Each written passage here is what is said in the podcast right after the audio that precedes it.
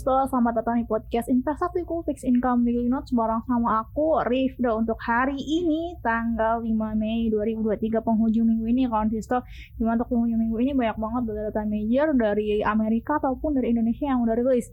Seperti uh, keputusan Fed yang kemarin rilis lalu juga untuk data pertumbuhan ekonomi Indonesia yang baru banget terus jam 9 tadi yang tentunya nanti kita akan bahas bareng fixed income analis dari investasiku Nanda. Halo Nanda. Halo Rifda. Oke Nanda, buat opening boleh ceritain dulu nih gimana kinerja pasar obligasi kita pada perdagangan hari kemarin. Gimana hari kemarin sendiri kan pasti ada pengaruh dong dari kebijakan The Fed yang naikin tingkat suku bunganya 25 BEPS dan merupakan itu tingkat suku bunga tertinggi kan dari tahun 2007-2008an kan. Gimana nih kisah dari obligasi kita kemarin?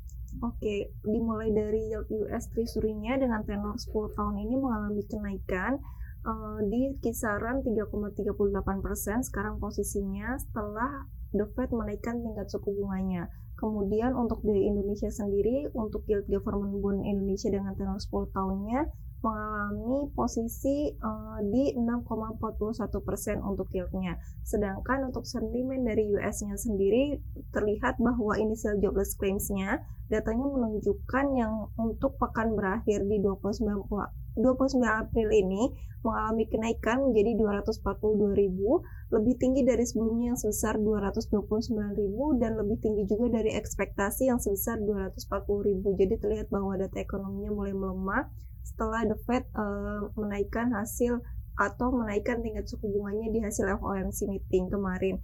Dan sekarang posisi untuk suku bunga di US sendiri berada di kisaran 5 sampai 5,25 persen. Dan tindakan selanjutnya ini The Fed uh, akan memantau dengan cermat untuk informasi yang masuk yaitu data-data ekonominya dan melihat implikasinya juga terhadap kebijakan moneter yang telah diambilnya Kemudian ekspektasi di pasar juga melihat adanya peluang untuk pivot di periode mendatang dan kabar terbarunya sendiri bahwa saat ini investor mulai kembali khawatir terkait perbankan di Amerika Serikat sendiri karena ada bank regional PacWest yaitu uh, mengumumkan sedang menilai opsi strategis dan uh, kemungkinan juga terhadap penjualannya juga.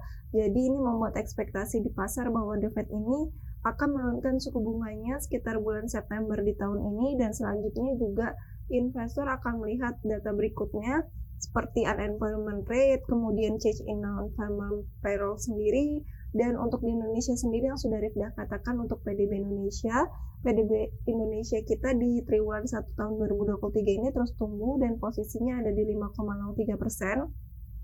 Lebih baik dari sebelumnya dan juga berada di atas ekspektasi dan penopang utamanya juga salah satunya yaitu uh, untuk uh, konsumen dari Indonesia sendiri yaitu uh, meningkat untuk uh, belanjanya karena didukung juga dari BI yang mempertahankan suku bunganya di level 5,75% sehingga membuat uh, apa para masyarakat Indonesia ini masih membelanjakan uh, uangnya dan juga inflasinya terlihat turun sehingga PDB-nya juga tertopang seperti itu.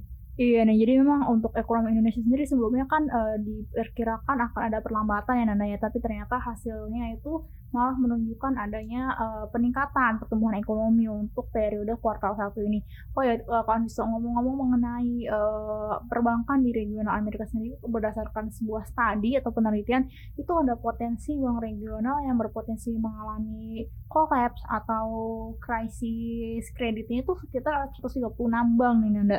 Itu cukup uh, banyak banget karena perbankan jumlah 136 gitu. Itu mungkin salah satu penyebabnya bisa kita katakan karena uh, aset-aset mereka pas waktu masa covid kan banyak yang dialihkan ke obligasi ya. Sedangkan obligasi saat ini kondisinya memang karena yieldnya lagi naik uh, gila-gilaan karena kenaikan suku bunga membuat harga mereka jadi turun uh, cukup signifikan gitu kan ya. Betul dan terlihat saat ini untuk yield US Treasury dengan tenor 2 tahunnya juga sedang mengalami penurunan akibat dari kekhawatiran terkait perbankan di Amerika Serikat sendiri sehingga ekspektasinya The Fed sehingga ekspektasinya The Fed itu berpotensi lebih cepat uh, menurunkan tingkat suku bunganya dan diperkirakan di bulan September meskipun ada yang memperkirakan bahwa uh, The Fed akan menurunkan suku bunganya di awal tahun seperti di awal tahun 2024 maksudnya seperti itu.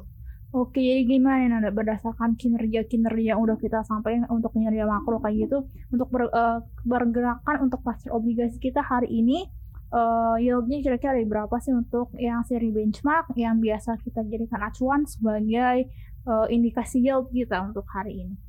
Oke, untuk saat ini untuk uh, market obligasi kita diperkirakan yieldnya ada di kisaran 6,4 sampai 6,5 persen.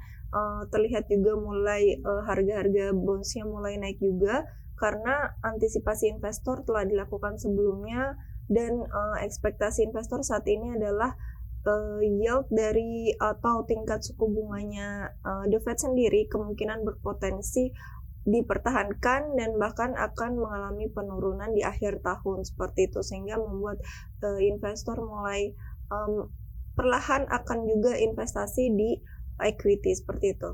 Oke, jadi memang uh, ada ada mulai adanya shifting ya dari investasi obligasi ke ekuitas atau saham karena memang uh, saat ini masih menghindari gitu ya untuk bond yang memang sentimen dari uh, makronya masih belum bagus nih kawan siswa karena memang begitu terpengaruh sama uh, the Fed seperti itu dengan indikasi yield untuk hari ini ada di level 6,4 sampai 6,5 persen.